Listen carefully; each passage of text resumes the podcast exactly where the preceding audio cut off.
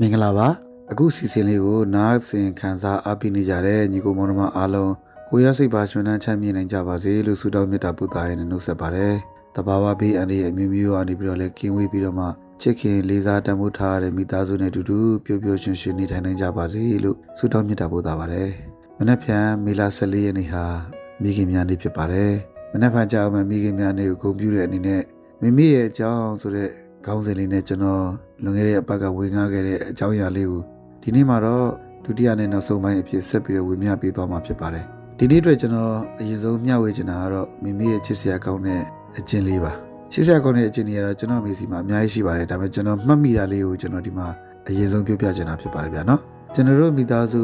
6ယောက်ရှိတယ်။ဖေဖေရဲ့မိမိရဲ့ကျွန်တော်ညီကိုမောင်နှမ4ယောက်ရဲ့ပေါ့။ဒါပေမဲ့ဖေဖေကတော့ 1983ခုနှစ်လောက်ကလေးကစင်ကာပူနိုင်ငံကိုအလုပ်လုပ်ဖို့ထွက်သွားတော့တော်တော်များများကတော့မိမိနဲ့ကျွန်တော်ညီကိုမောင်နှမ9ယောက်ပဲအဓိကနေတာပေါ့နော်ဒါပေမဲ့ကျွန်တော်တို့ရှိပါတယ်အဖွားရှိပါတယ်နော်အမျိုးတွေတော့ရှိတာပေါ့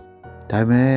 ညပိုင်းအိတ်ကြပြီဆိုရင်ကျွန်တော်တို့ကမိသားစုကတင်ရှိတယ်အဲ့ဒီကတင်ကတကယ်တော့နှစ်ယောက်အိတ်ကတင်ကြီးပေါ့ဖိဖိနဲ့မိမိတို့မင်္ဂလာဦးမှာအိတ်ခဲ့တဲ့ကတင်ပေါ့ဟိုရောကတင်ပေါ့နော်တစ်သားကတင်ကြီးပေါ့မြင်လဲမြင်တယ်အဲချင်အောင်ကတင်တိုင်နေနေပေါ့နော်အခုဒီတိုက်ကတင်ကြီးရှိနေပါသေးတယ်ကောင်းနေပါသေးတယ် ဆိုတော့အဲ့ဂရီးမှာကျွန်တော်တို့မိသားစုတွေအားလုံး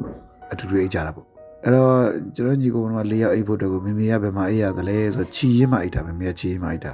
ဒါကြောင့်တစ်ခါတခါမမေကသူစိတ်အလိုမကြတဲ့ခါစိတ်မကောင်းဖြစ်တဲ့ခါပြန်ပြန်ပြောတယ်တကယ်တကယ်ဘယ်လောက်ပဲပြင်ပန်းပြင်ပန်းဘယ်လောက်ပဲကြူစားကြူစားအဲအိတ်ရတဲ့နေရာလေးကတော့သူ့မှာအဲချီရင်းကအကွက်ကလေးတစ်ခွက်စာပဲရှိတယ်ဆိုပြီးတော့သူအဲ့လိုလေးတွေပြောပြတာလေးတွေကျွန်တော်ကြားဖို့ပါတယ်လို့ဒါကငယ်ဘွားတော့ပေါ့နော်နောက်ပိုင်းတစ်ဖြည်းဖြည်းကြီးလာတဲ့ခါကျတော့ကျွန်တော်ကကျွန်တော်ဖွာနေသွားရတဲ့ တဖြည်းဖြည်းနဲ့အဲကျွန်တော်တို့ကိုကလေးနဲ့ကိုခွဲအိလာခဲ့ကြတာပေါ့ငငယ်တုန်းကအမှတ်တရလေးတစ်ခုပါ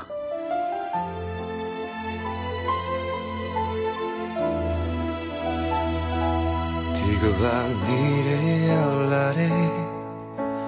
ငေါချွေချင်တွေနဲ့ပူပင်ကင်းတဲ့ခလေးပွားရဲ့ရွ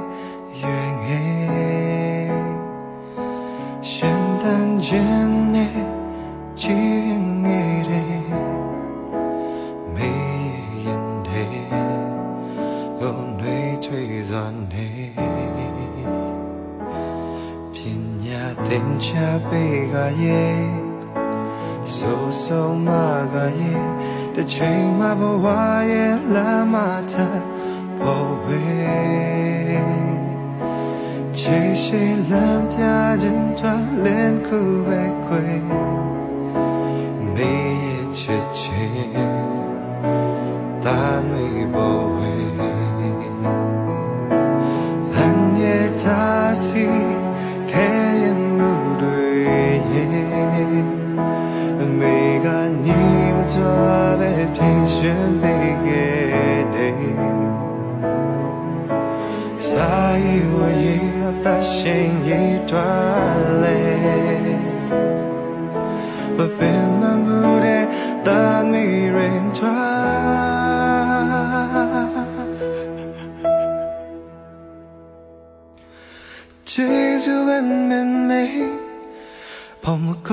날 전해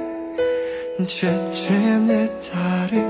런치냐 런비 니와 내러 미의 제수리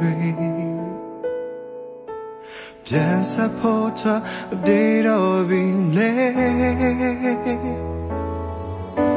제수엔 맨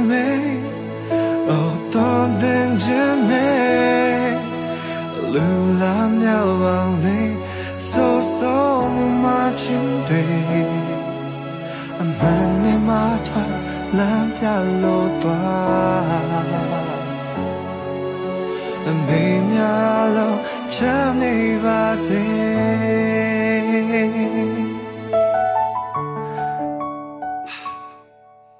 မင်္ဂလာပါရှင်မင်္ဂလာပါခင်ဗျာမြန်မာစီနီမာဘလက်တီနက်ဝက်ကထုတ်လွှင့်တဲ့ရီရီမုံမုံပေါ့ပေါ့ပပအစီအစဉ်ကနေကြိုဆိုလိုက်ပါတယ် ဒီအစီအစဉ်ကမြန်မာလူမှုနယ်ပယ်မှာမတန်ဆွမ်းမှုအသိပညာတွေညှင့်တင်ပေးနိုင်ဖို့မတန်ဆွမ်းအတိုင်ဝန်ကဖြစ်ရက်ဆုံးကဏ္ဍဆုံးကိုမတူညီတဲ့ရှုထောင့်ပေါင်းစုံကနေလွတ်လပ်ပွင့်လင်းတဲ့တွေးခေါ်ဆင်ခြင်နိုင်မှုတွေနဲ့မျှဝေလိုချသူတွေရဲ့အသံတွေကိုပြုစုပြောထောင်ဖော်ထုတ်ပေးနေခြင်းဖြစ်ပါတယ်ဖေဖေကအပေါ်မှာကျွန်တော်ပြပြခဲ့သလိုပဲ1983ခုနှစ်မှာစင်ကာပူနိုင်ငံမှာအလုတ်ကိုင်းခွင်လိုက်ရလို့သူ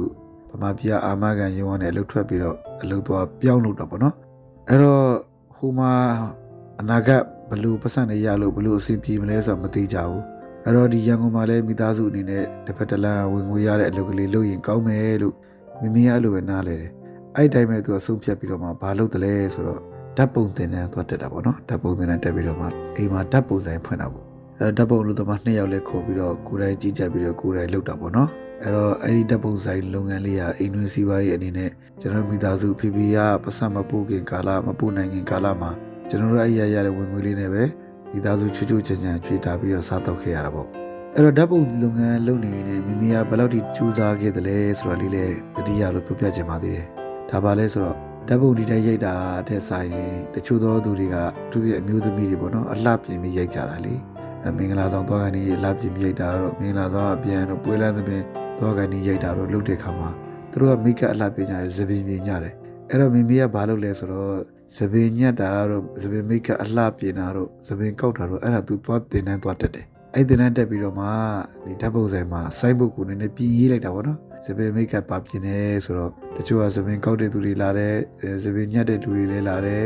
အလှပြင်နေပေါ့အထူးသဖြင့်မျက်နှာအလှပြင်တာပုံများပါတယ်ဗျာဆိုတော့အဲ့ဒါလှပြင်ပြီးတခါလေးဓာတ်ပုံရိုက်သွားလို့ရတာပေါ့အဲ့တော့ဓာတ်ပုံရိုက်တဲ့ လူတွေတူးလာတယ်ဓာတ်ပုံရိုက်မဲ့เนาะအဲတနည်းအားဖြင့် customer တွေပေါ့ဗျာเนาะဓာတ်ပုံရိုက်ချင်တဲ့သူတွေများလာတယ်အလှပြင်နေတဲ့သူတွေများတယ်ဆိုတော့တစ်ဖက်တစ်လမ်းပို့ပြီးဝင်ငွေရစီဘူးဆိုပြီးမိမိကအဲ့လိုကြိုးစားခဲ့တာပါဒါတွေကမိမိရဲ့ကြိုးစားအထုံမှုကလေးစားစရာကောင်းတာလေးကိုကျွန်တော်တတိယလို့ပြောပြတာပါတကယ်တော့မိမိကကျွန်တော်တို့မိသားစုနဲ့ပြပြနဲ့အိမ်တော်ကြပြီးကျွန်တော်တို့မိသားစုဖြစ်လာမှအဲ့လိုကြိုးစားခဲ့တာမဟုတ်ဘူးဗျ အဲမိမိပြောပြတာတို့ဖွားဖွားပြောပြတာတို့ကျွန်တော်ပြန်ကြားလို့မှတ်မိနေတာလေးရှိတယ်အဲ့ဒါလည်းတလက်စာလည်းပြောပြချင်ပါသေးတယ်အဲ့ဒါဘာလဲဆိုတော့ကျွန်တော်အမေကအဲ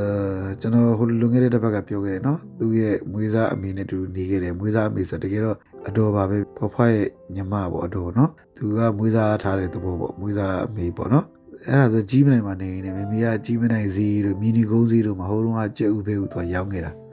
သူအဲ့လိုတွေရောင်းခဲ့တယ်ပေါ့နော်အဲ့လိုရောင်းရင်းနဲ့ကြောင်းတက် ပြီးတော့မှနောက်ဆုံးကျောင်းဆရာမအစဖြစ်လာတယ်ပေါ့ဗျာပြောချင်တာနော်ဆိုအဲ့လိုကြိုးစားခဲ့တာပါပြောချင်တာကတော့အချီနေပေါ်မှာမူတည်ပြီးတော့မှလှုပ်သိမ်းလှုပ်တဲ့အလုပ်တွေကိုရေးရေးဝုံဝုံနဲ့တတိရှိရှိနဲ့အဲပြောရရင်တော့ဗျာအဒီခေတ်စကားနဲ့ပြောရင်တောင်ကြကြပြကြကြလှုပ်နိုင်ခဲ့တယ်လှုပ်လဲလှုပ်ခဲ့တယ်လေးစားစရာကောင်းပါတယ်ကျွန်တော်မေကပညာရှင်ကြီးမဟုတ်ပင်မေဘဝရှင်သန်ကတော့တက်စေတယ်လမ်းမှန်ကန် စွာရွေးချယ်တဲ့အောင်လေသူလမ်းပြခဲ့ပါတယ်မေပညာသင်ကျွေးမွေးလာတယ်တခြားသူရဲ့စိတ်ဆင်းရဲစေတယ်စကားစင်ချင်ကပြောဆိုတဲ့အောင်လေစုဆုံးမပဲပြင်ခဲ့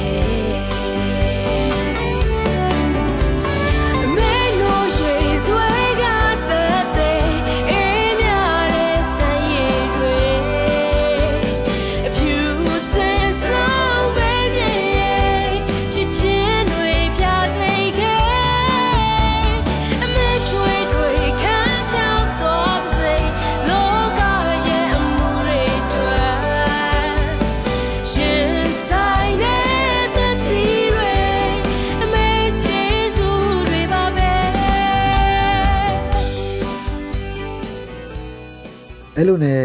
ဓာတ်ပုံဆိုင်လေးလုပ်နေတပြေးပြေးနဲ့အကြည့်နေကြာလာတယ်ဖေဖေကလည်းစင်ဝင်နိုင်ငံကိုသွားပြီးတော့မှအလုပ်လုပ်နေနေနည်းနည်းသုံးနှစ်လောက်ကြာလာတဲ့ခါပတ်စံလေးတွေစုမိလာတဲ့ခါကျတော့ကျွန်တော်တို့အိမ်ကိုဟာလာ TV ပို့ပေးတာပေါ့နော်အဲ့ဒီခေတ်အဲ့ဒီခါတော့တော်တော်ကြီးရတယ်ဗျဒီနေ့ခေတ်လို့မဟုတ်ဘူးနော်ကျွန်တော်တို့ဒီ TV တို့အဲမော်တော်ကားတို့ဒီလိုပစ္စည်းတွေဗျာနောက်ဆုံးအိမ်မှာအိမ်မှာမိုးတဲ့အိမ်ခေါင်မိုးမိုးတဲ့သူ့တရားစားအဲ့ဒီနိုင်ငံခြားတင်သွင်းတာဗျပြောချင်တာလေ အဲ့တော့အဲ့ဒါခွင့်ပြုမိတ်နေတင်သွင်းပြီးတော့မှလုတ်ပြီးတော့လုတ်ကြရတာပေါ့နော်အဲ့တော့ TV လေးကိုတော့ကျွန်တော်တို့ TV ကြည့်ဝင်ရတယ်အဲ့တော့ညီမသားည9ရက်နဲ့9နာရီခွဲတော့ဒီလာတယ်ပေါ့အဲအဲ့ဒါလေးကြည့်တယ်စနေတနင်္ဂနွေဆိုနေခင်းပိုင်းလာတော့ TV လေးကြည့်လို့ရတယ်ပေါ့နော်အမရမှန်နဲ့ထက်နဲ့စကူလက်မ TV လေးဖိဖိစပို့လိုက်တာပေါ့နော်တကယ်ဒါကတော့ TV ကတော့ရှင်းတယ်နောက်ပိုင်းကျဖိဖိကဘာလုပ်လာလဲဆိုတော့မော်တော်ကားပို့လာတယ်ဒါမော်တော်ကားပို့လာတော့အဲ့ဒါအဲ့ခေအဲ့ဒီခါကလည်းသူကမော်တော်ကား ဒီငွေရှိပြီဆိုရင်တစ်နှစ်ကိုတစ်ကြိမ်ပေါ့နော်တစ်နှစ်ကိုကားတစ်စင်းမြန်မာနိုင်ငံကိုတင်သွင်းခွင့်ရှိတယ်ဂျပန်ကတက်ရမှာနှစ်လတော့ကြာတယ်စင်ကာပူကမှာတယ်ဆိုရင်တော့တပတ်စေလောက်နဲ့ရန်ကုန်ရောက်လာတယ်ဒါပေမဲ့အဲ့ဒီမတိုင်ခင်ကားပါမစ်တွေတင်တာတို့ဘာလို့ဒီဘက်ကလောက်ရတာပေါ့နော်ဆိုတော့အဲ့လိုနီးလန်းနဲ့လောက်ပြီးတော့မှအဲကားတွေဝယ်လာတယ်ပြီးတော့ကားရောင်းတယ်အဲပြန်ရောင်းလိုက်တယ်ပေါ့နော်အဲ့တော့ကားတွေစပြီး PP ကတင်သွင်းလာပြီဆိုတဲ့အခါကျမမေကဘာသွားစဉ်းစားလဲဆိုတော့မမေရဲ့အဲအမျော်မြင်ကောင်းပုံလေးကိုဒီနေရာမှာပြောပြချင်တာလေ ကားမောင်းတက်ဖို့လိုတယ်ဆိုပြီးတော့သူကအဲ့လိုသိလာတယ်เนาะအဲ့လိုသိလာတယ်အဲ့တော့ဟိုးတော့စသွင်းတော့ကျွန်တော်မမရ Presto Pickup လေးတွေပေါ့နော် Presto ဆိုဒီနေ့ခေတ်မှာရှိတော့မရှိတော့ပါဘူးเนาะ Presto ဆိုအားလုံးနားလည်းပြောရင်တော့ဟိုကျွန်တော်တို့ Publica တို့ Sunny တို့အဲ့လိုပုံစံမျိုးကားလေးတွေပဲအဲ့တက်တော့နည်းနည်းလေးပုံပုံကရိုးတယ်ဗျာ Presto ဆိုသူ့အရင်ပေါ်တာအဲ့ Presto တွေဒီနေ့ခေတ်တုန်းကတော့မှ Publica တို့ Sunny တို့လာတာဆို Presto တွေကစသွင်းပြီးတော့မှ Publica ကားတွေသွင်းတယ် အဲ့တော့မိမိကားမောင်းတအောင်တင်တယ်နော်မိမိကိုယ်တိုင်ကားတွေမောင်းလာတယ်အဲကျွန်တော်တို့လိုက်စီရတယ်နော်ဒီတော့ဒီ public ကားတို့ sunny တို့ press တို့ဆိုတာတိတိလေးတွေပါနော် pick up ကားတွေကတိတိလေးတွေပေါ့နော်ဒါပေမဲ့သိကြတယ်ဟို living ကားတွေတော့ကြီးတာပေါ့နော် mazda living ကားလေးတွေအဲတွေ့ဦးကြမယ်ထင်ပါတယ်နော်အရင်တော့ကအဲ B600 ဆိုတာရှိတယ် B360 ဆိုတာရှိတယ် B600 ဆိုတာအင်ဂျင်ရဲ့မြင်းကောက်ကြီးပေါ့ဗျာနော်အင်ဂျင်အားပေါ့နှလုံးသားတွေကအခရာမှာ ထာဝရကပြည့်တဲ့တည်ရှိနေမယ်မေမေချစ်တဲ့မေမေမောင်ပြတွေကဘဝကိုတူအမောင်ကိုခွေးအလင်းဖြစ်ပြနေမယ်မေမေထာဝရမေမေမေမေရဲ့ပြုံးမေမေရဲ့နှလုံး ဒီကဘာရဲ့နိုင်တူမရပြီဖြူစင်သောအမေရဲ့မြတ်တာတွေမေမေရဲ့ပြုံးမေမေရဲ့နှလုံးအရာရာတဲ့နိုင်စမရပြီကျေပြန်သောအမေရဲ့ကျူနာတွေအမြဲလိုအေးချမ်းကရယူခြင်းလုံးဝ မရှိတာပေးစခဲ့ပေးစတဲ့မေမေထာဝရမေမေ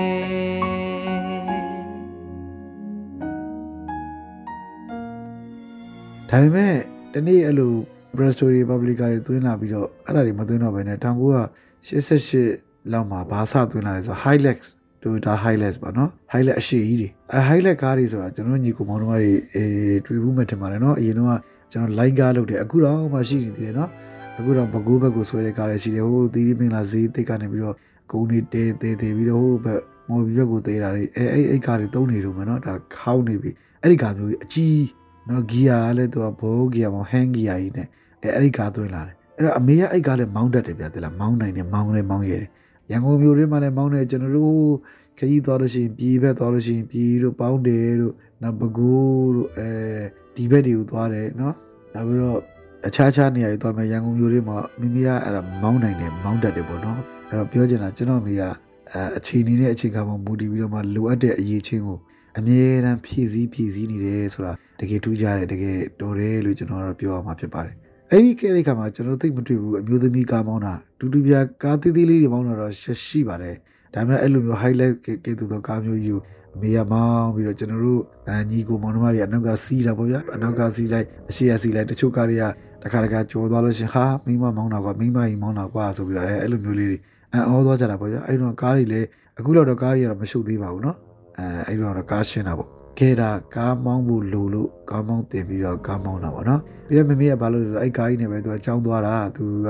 လမ်းမတော်မှာကျောင်းဆရာမလုပ်တယ်လမ်းမတော်အထက်ကနေတို့အလုံအထက်ကနေတို့မှာကျောင်းဆရာမလုပ်တဲ့ချိန်မှာ ဒရိုင်ဘာမခေါ်ဘူးသူသူမနေ့ပိုင်းကားမောင်းပြီးတော့ကျောင်းသွားတယ်နေကြီးအင်ဂျင်တွေကြပြန်လာတယ်အဲအဲ့ဒါမျိုးတွေသူကလုပ်တာအဲ့ကားကြီးတွေမောင်းတာပေါ့နော်အဲ့ဒါအဲ့ကားတွေပို့လိုက်ပြီးတော့ရောင်းစားလိုက်ပြီးတော့ကျွန်တော်တို့နေတဲ့အခုနေတဲ့အလုံမှာနေတဲ့အိမ်ကြီးကိုအဲ့ကားတွေရောင်းရင်းနဲ့ပတ်စံနဲ့အိမ်စောက်ခဲ့တာပေါ့ဗျာပြောရမယ်ဆိုရင်တော့နော်အဲ့ဒီတော့ကားစီးရောနှစ်သိန်းနှစ်သိန်းခွဲအဲ့လိုပဲရတာပါဖြူစင်လာပါ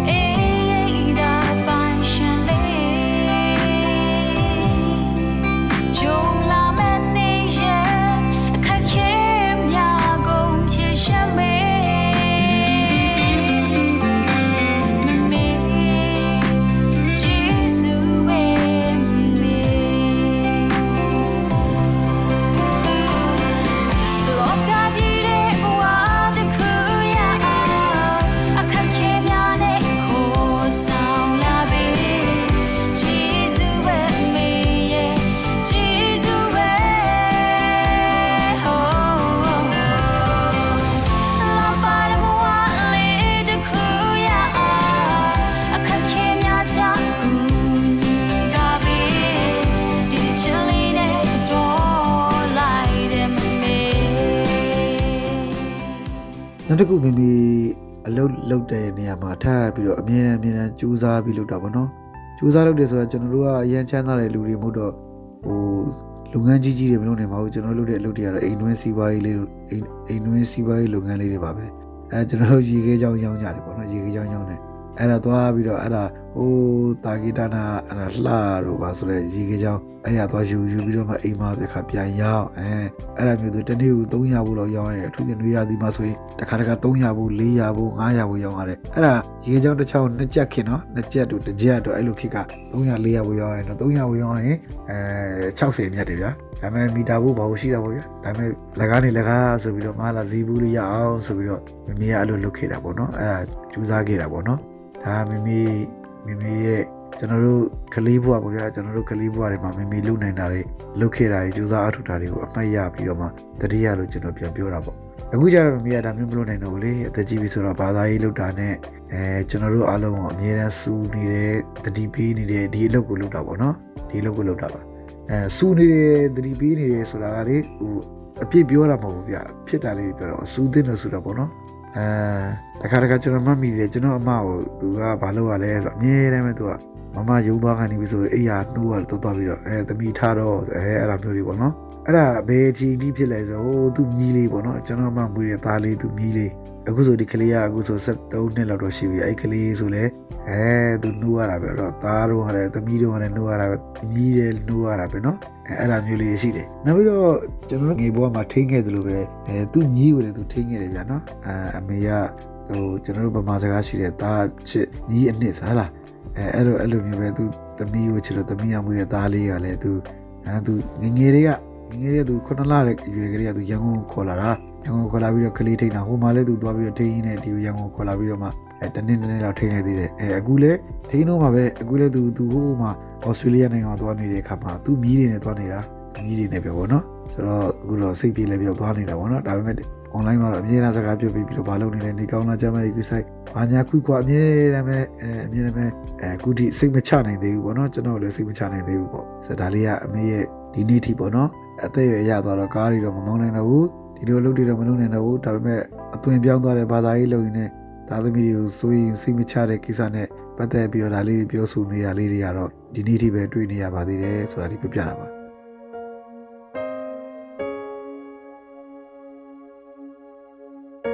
နှလုံးသားကပြောင်းမသွားနိုင်အမေရဲ့အပြုံးလေးချိုချို အသက်ကြီးလို့အမင်းလေး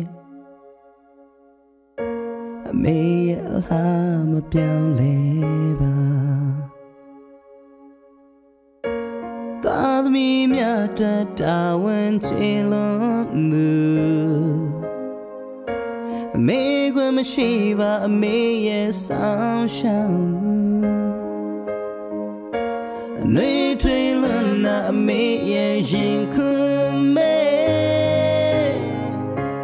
အမေရဲ့ချီးစုတင်နေဒီဘဝလေးတဲ့ဆယ်လုံးမကုန်တော့ပြီအမေရဲ့ကျနာ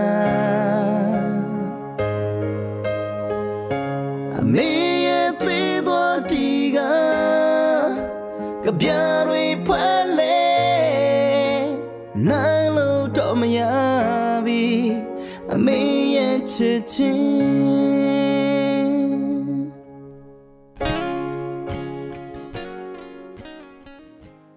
ဆိုတော့ညီကုန်းချုပ်စကားလေးနဲ့ကျွန်တော်ပြောပြချင်တာကတော့ကျွန်တော်တို့မိဘတွေက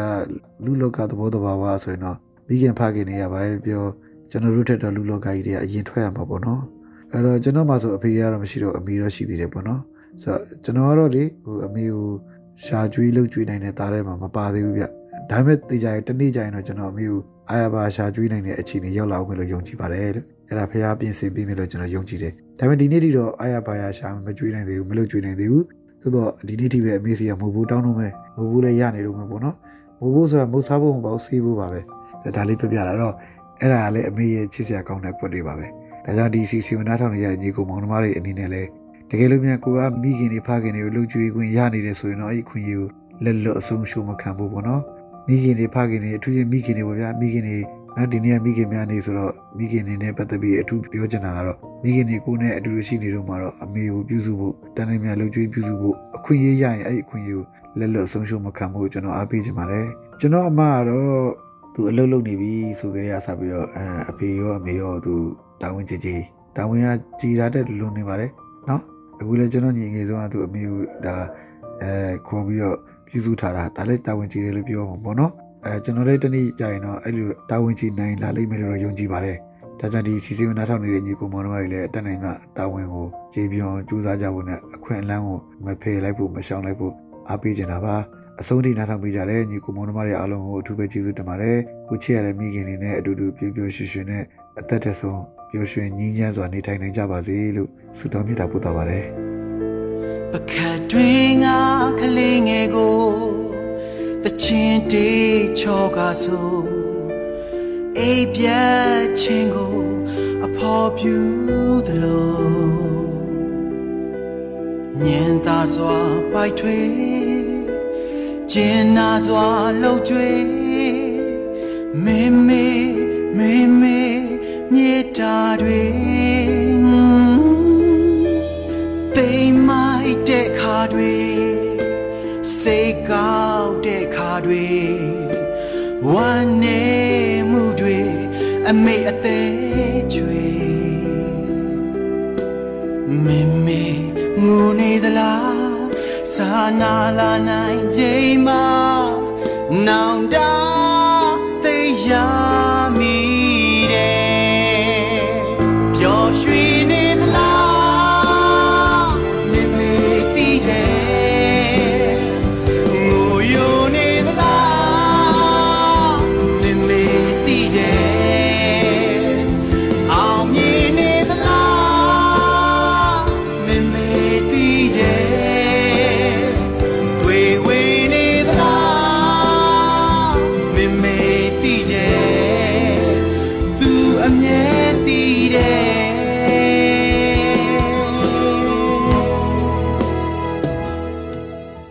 ယခုအစီအစဉ်ကိုမိတ်ဆွေတို့အနေနဲ့အစအဆုံးနားထောင်ပြီးပြီဆိုရင်တော့မိမိတို့ရဲ့သဘောထားမှတ်ချက်များကိုပေးနိုင်ပါပြီနော်ဒီအစီအစဉ်နဲ့ပတ်သက်ပြီးမိတ်ဆွေတို့ရဲ့မှတ်ချက်ပေးခြင်းအကြံဉာဏ်ပေးခြင်းမေးမြန်းခြင်းတို့ကိုလည်းအထူးပဲဖိတ်ခေါ်ပါရစေမိမိတို့ရဲ့ပူပေါင်းတင်ဆက်မှုအတွက်ဒါမှမဟုတ်စုံစမ်းမေးမြန်းမှုအတွက်စိတ်ဝင်စားတဲ့ဆိုရင်တော့မြန်မာ cinemaability@gmail.com ဒါမှမဟုတ်တင်ဆက်သူများရဲ့ Viber နံပါတ်များဖြစ်တဲ့ကိုပြည့် 39 26 125 6493နဲ့မနွေ39 453939 6352တို့ကိုဆက်သွယ်ဆောင်ရွက်နိုင်ပါတယ်။မိတ်ဆွေတို့အနေနဲ့ဒီအစီအစဉ်ကိုမတိသေးသူများသိဖို့လိုအပ်နေသူများမတန်ဆွမ်းအရေးကိုမိမိတို့ရဲ့လုပ်ငန်းခွင်အသီးသီးမှာထည့်သွင်းဆောင်ရွက်ဖို့စိတ်ဝင်စားသူမြည်သူကိုမဆိုထပ်ဆင့်ဝေမျှပေးရင်သတင်းကောင်းပေးနိုင်ပါတယ်မြန်မာပြည်သူပြည်သားများအားလုံးမတန်ဆွမ်းမှုအသိပညာတွေတိုးပွားက ခွဲခြားဆက်ဆံမှုကင်းပြီးအားလုံးအကျုံးဝင်တဲ့လူမှုအတိုင်းအဝန်တစ်ခုကိုအမြန်ဆုံးဖော်ဆောင်နိုင်ပါစေလို့ဆန္ဒပြုရင်းဒီကနေ့အစီအစဉ်ကိုဒီမှာရင်ရန်နာပါရစေ။တောတာရှင်အားလုံးနေ့ရက်အသက်တိုင်းမှာကောင်းစည်းမင်္ဂလာပေါင်းများစွာရယူပိုင်ဆိုင်နိုင်ပါစေလို့လည်းကျွန်မကဆုတောင်းမြတ်တာပို့တာအပ်ပါတယ်။။နောက်ပတ်စနေနေ့ည9:00နာရီမှာပြန်ဆောင်ကြရအောင်နော်။